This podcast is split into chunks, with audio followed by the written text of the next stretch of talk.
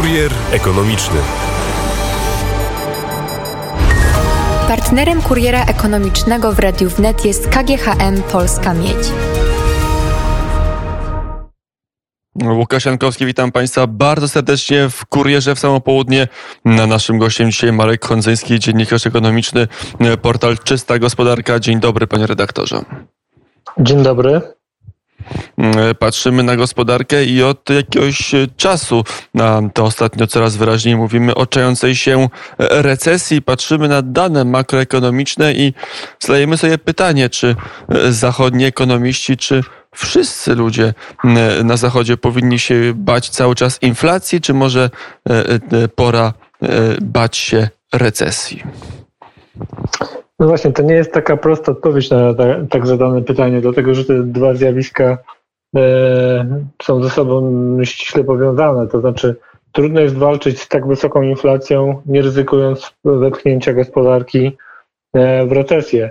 W tej chwili mamy taką sytuację, że banki centralne e, próbują przeciwdziałać e, temu gwałtownemu wzrostowi wskaźnika inflacji. Robią to, co zwykle robią w takich sytuacjach, czyli podnosząc stopy procentowe. No to w naturalny sposób odbija się czy to na akcji kredytowej, czy, czy to w już dalszym kroku na popycie wewnętrznym, więc no, taki kierunek recesyjny jest już widoczny i to on jest widoczny już nawet nie tylko w zachodniej Europie, ale też e, mamy już pierwsze sygnały z polskiej gospodarki e, i to takie sygnały, które napłynęły do nas e, w ostatnich dniach.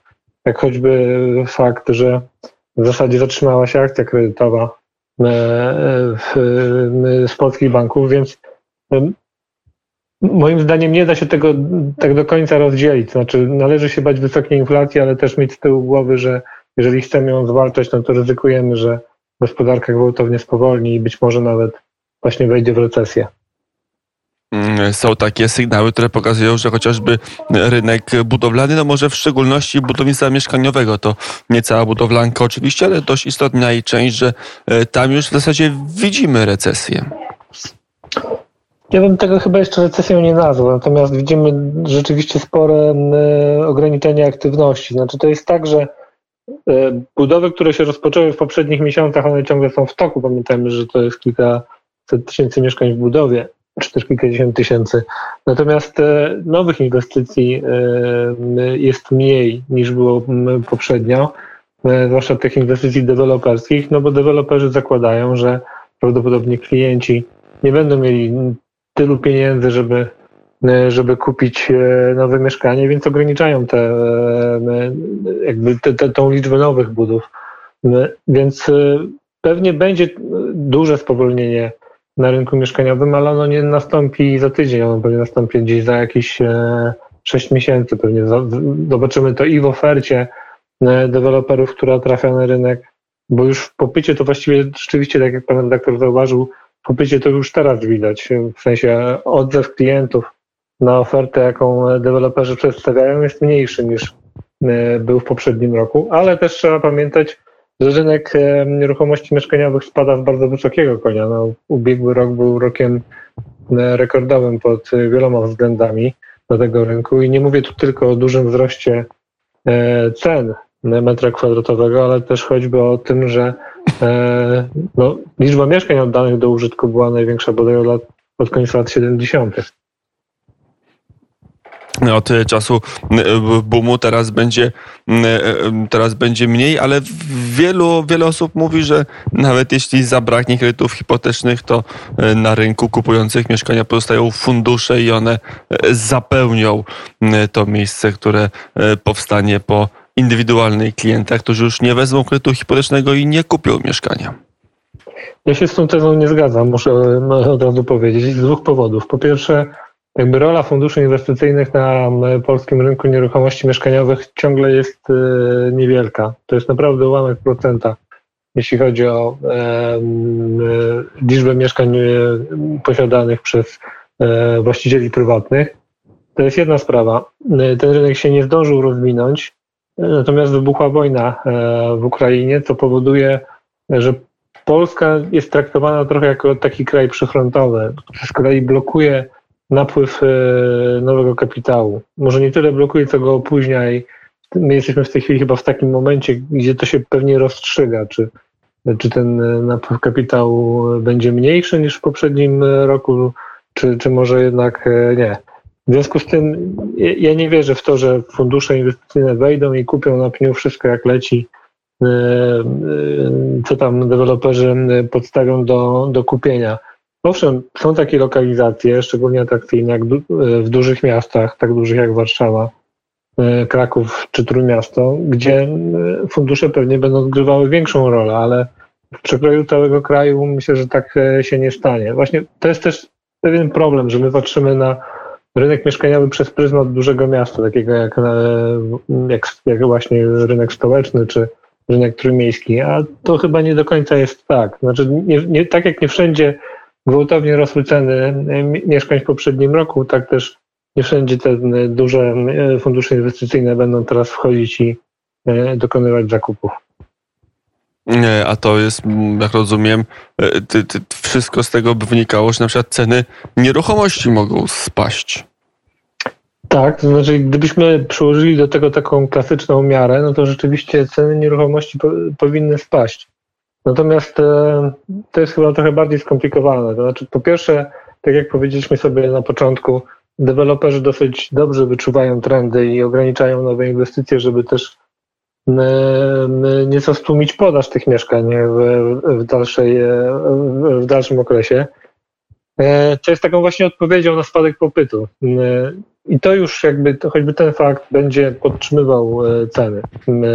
Tak, tak przynajmniej mnie się wydaje. To jest pierwsza rzecz. A druga rzecz jest taka, że jednak koszt budowy on rósł przez ostatnie tygodnie. Teraz to się zaczyna zmieniać, więc E, ja jakby nie, nie jestem w stanie jednoznacznie powiedzieć, jakie będą trendy cenowe w związku z tym, ale jednak po wybuchu wojny na Ukrainie większość materiałów budowlanych, większość surowców wykorzystywanych w budownictwie, jak choć, chociażby stal, e, no, no ich ceny gwałtownie rosły przez 2-3 e, miesiące, to dosyć istotnie przełożyło się na koszt budowy. No i teraz mm, sytuacja wygląda tak, że prędzej Y, deweloperzy czy też y, podmioty, które wprowadzają mieszkania na, na rynek pierwotny, będą starali się te ceny przynajmniej podtrzymać, żeby, żeby nie sprzedawać ze stratą, niż, y, niż obniżać. Więc z, z, tym spadkiem cen na rynku nieruchomości, zwłaszcza w Polsce, gdzie ten strukturalny niedobór mieszkań ciągle występuje, no to nie jest taka, to nie jest taka oczywista sprawa. No, to jeszcze przejdźmy na chwilę do dużej polityki, mm, e, do polityki e, chociażby Narodowego Banku Polskiego, czy do polityki pieniężnej. Na ile, jeżeli będą te sygnały recesyjne się coraz silniej pojawiać, to by wskazywało, że powinniśmy, że Rada e, powinna kończyć obecny cykl podnoszenia stóp procentowych? Ja myślę, że ten cykl się jeszcze nie będzie kończył, natomiast z pewnością E, z pewnością zadrży ręka, że tak powiem, panu prezesowi NBP Adamowi Glapińskiemu na w głosowaniu nad kolejnymi e, podwyżkami o takiej skali, jaką mieliśmy w ostatnich miesiącach. No ja przypominam, że e, NBP podnosiła stopę o 75 punktów, raz nawet o 100 punktów bazowych. Więc ja, ja myślę, że te, że te podwyżki jednak będą jeszcze następowały, no bo trudno powiedzieć, kiedy nastąpi szczyt inflacji. No cały czas mamy e, inflację w trendzie takim rosnącym. Prawdopodobnie w czerwcu ona będzie znów wyższa niż była w maju, a przypomnę, że w maju sięgnęła niemal 14%.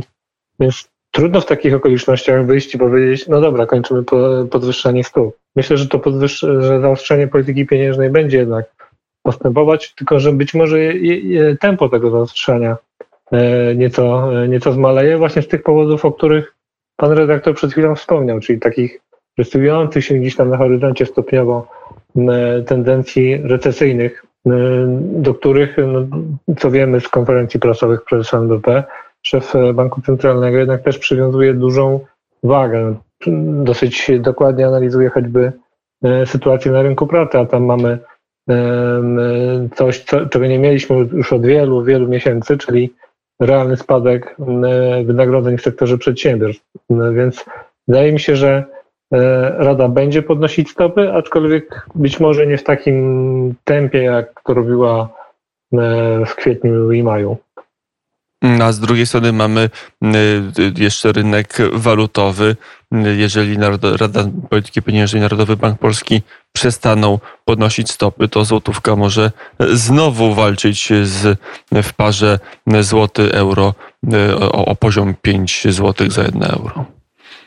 Tak, to prawda. To jest dodatkowy czynnik, który Rada na pewno musi brać e, pod uwagę, dlatego że gdyby osłabienie złotego postępowało, no to cały ten wysiłek związany z e, podwyższeniem stóp no, szedłby w pewnym sensie na marne.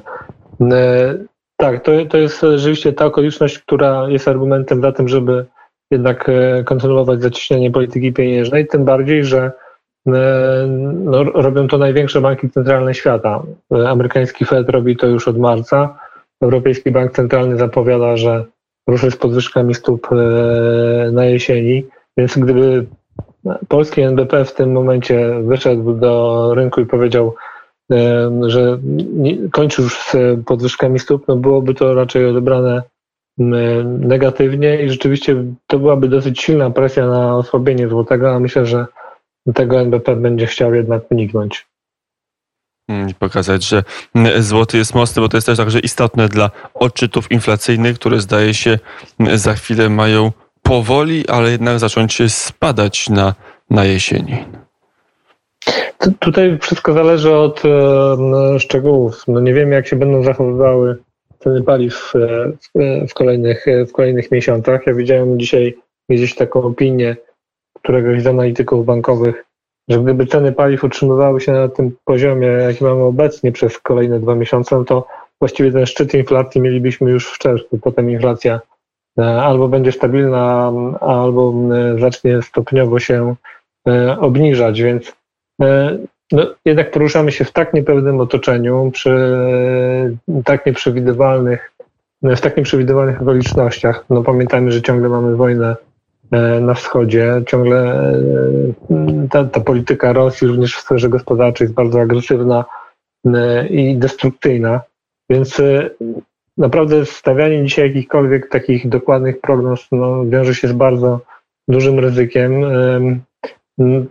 Ale tak jak mówię, gdybyśmy przyłożyli tą miarę do, do inflacji, którą zna, mamy dzisiaj i znamy dzisiaj, no to pewnie rzeczywiście tak powinno to, to wyglądać. Szczyt inflacji e, najpóźniej w trzecim kwartale, a potem jej stopniowy spadek.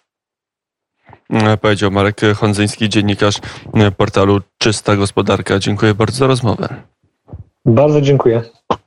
Do usłyszenia, e, do zobaczenia. Na...